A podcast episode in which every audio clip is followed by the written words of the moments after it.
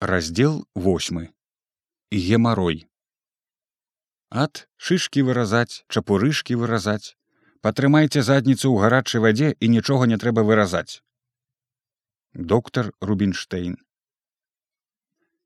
мяне гэты доктор дзівак на першым жа медыцынскім аглядзе збракаваў за маю дэфектную сагнутую ў локці руку і запісаў у сваім кандуіце каб прыставілі мяне прыбіральшчыкам на кухні і мяне прыставілі. І першыя тры месяцы быцця свайго ў гэтай знамянітай на ўвесь свет белавежы, дзе разагналі мы тады аднак усіх зуброў, быў я ўсяго толькі мізэрным дрываносам і падмятальшчыкам і судамыем на кухні і ніякіх зуброў не бачыў. Праўда, затое не быў я надта галодны, нават пры сваёй прыраджонай жарлівасці. Але не хлебам адзіным жыве чалавек і лепш быць вольным ваўкалакам, чым на прывязі сабакам. Калі зашумела вясна, а потым забуяла зялёнае лясное лета, пацягнула мяне з душнае чадныя кухні на чыстыя вольныя прасторы, адкуль зручней было і зусім уцячы з лесапільні. І выпрасіўся я на работу ў лес. Якая, аднак нуда. Кожны дзень уставай а шостой гадзіне раніцы. Гоняць у лес кіламетраў за 8-10 работа да вечара вырабі норму. 8-10 кубаметраў у залежнасці ад пароды і спосабу рубкі выключна ручным спосабам ці з механізацыяй яду прывозяць у паходнай кухні разбаўтаную як кароўскае пойла няўдалае параўнанне бо каровы ж каву не п'юць пакуль нормы не вырабіш у баракі не пусцяць хоць начуй у лесе. Потым пакуль дацягнешся як раскірэка назад. І ўцячы мне не ўдалося. Аднаго разу ўвечары нават ужо ўзлез на хвою і вартаўнік не заўважыў. Але некаму з нашых жа рабочых зрабілася сумна што пойдзе ён у баракі без мяне і ён шапнуў варце. Варта сабрала каля хвоі на якой я ціхенька сядзеў усіх рабочых і загадала нібы нічога не ведаючы пілаваць дрэва і не паспеў я спаўсці ніжэй, як шыбка паплыў разам з дрэвам надол. Абскрабаўся троху аб сукі, але падскочыў з зямлі як векша і смеху было шмат. Уцячы не ўцёк і абясіляў скора як вялы хрэн. Разоў дзесяць падаваў рапарты, каб перавялі ізноў на кухню. Нарэшце узяліткі на спецыяльны медыцынскі агляд, і моя дэфектная рука ізноў мяне вывезла толькі цяпер не прыставілі мяне да працы на кухні а далі работу на лесапільні там прайшоў я за лета і восень амаль што ўсе работы. І скабліў скобляю балянцы і падпіхваў пяхною бярвенне па канале да транспарцёраў і падкочваў вагонкі да рам стаяў троху і пры варштатах Усё гэта пайшло мне потым на карысць бо з цягам часу паставілі мяне на зусім лёгкую работу як бы памочнікам майстра і давалі лепшы паёк.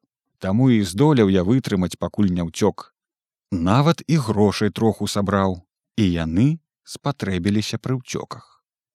Уцячы стараліся ўсе бо чамусьці нікому не хацелася застацца тут навекі на прыгожым узгорачку пад старымі ясенямі і клянамі могільнік быў надзвычай паэтычны. Не ведаю ці захаваўся ён да гэтага часу.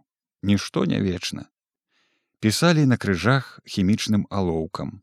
Свенты покуй такі то пэўна дажджы даўно пазмывалі ўсе гэтыя напісы.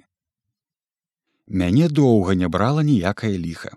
Пакуль не прычапілася адна такая хвароба якую некалі пры паненках не прынята было хваліцца Цяпер часы не такія, дык магу смела выказаць свой погляд, што завецца гэтая хвароба вельмі гучна. Грыміць яе назва як труба. Гемаррой. Не кожны можа ацаніць гэтую цікавую хваробу. Галоўная яе асаблівасць, што чалавек як быццам і не хворы, але нельга ні хадзіць, ні стаяць, ні ляжаць, распіраюць яго сваёю балючаю нудою самыя мізэрныя шышкі у самым мізэрным месцы. І загналі мяне мае шышкі нарэшцеткі у лесапільную больніцу. Паляжаў я там дзень, А ўвечары доктар дзівак загадаў весці мяне ў шпіталь у вёску дуброву на аперацыю выразаць мне шышкі. І калі везлі мяне цёмнаю ночкаю ды нявіднаю, выскачыў я ціханька з фургона і даў такога стракача з дарогі ў поле па снягу па балоце, што ўвесь свой гемарой без аперацыі за адну ноч вылечыў. І бег і ішоў і ракам поўз і енчыў ад сваіх шышак аж да слёз. Але ўцёк. Ад немцаў уцёк.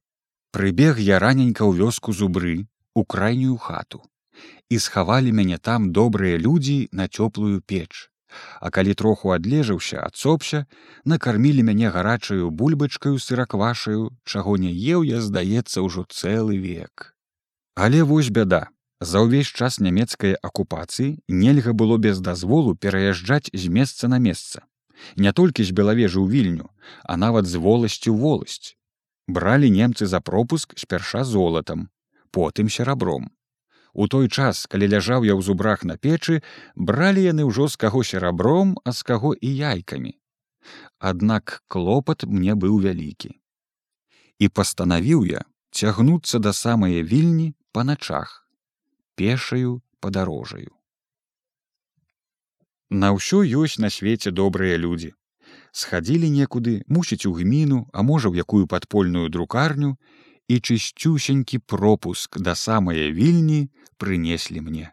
Вядома, з умоваю, што буду ж і я парадачны чалавек, нікому нічога не скажу і апрача таго аддам ім за начлег, за прывет, за паслугі ўсе свае марачкі.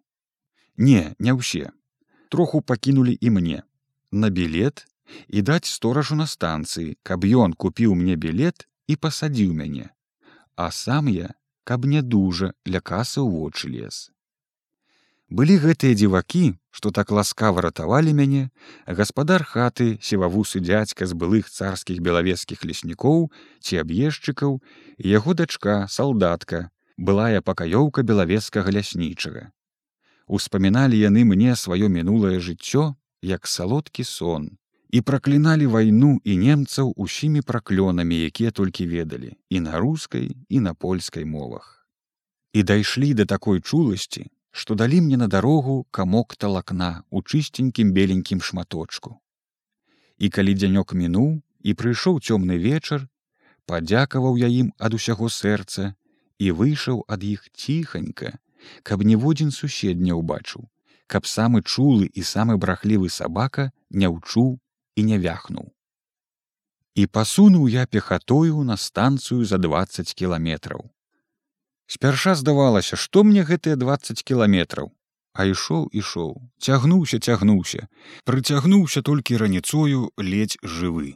Знайшоў там таго стоража, пра якога казалі яны мне, завёў ён мяне ў сваю хатку недалёчка ад станцыі, гарбатаю напаіў і спаць паклаў. Спаў я да вечара як забіты. Прыходзіць ён будзець мяне. Білет прынёс скарэй скарэй зараз пасаджу такі вагон дзе ў мяне кум правадніком калі ішлі нават падручку мяне падхапіў. Праз нейкія вароты міма вакзала працягнуў і прост да вагона да кума ў яго руки а цёмна і мокры снег і дожджык. Сеў я на лаву ў кумавым куточку да сценкі спіною прыхінуўся. Машина гу-гу-гу-гу і загрымелі колы і пасунулася ўсё ў мяне под нагамі. Сэрца маё ад радасці замірае.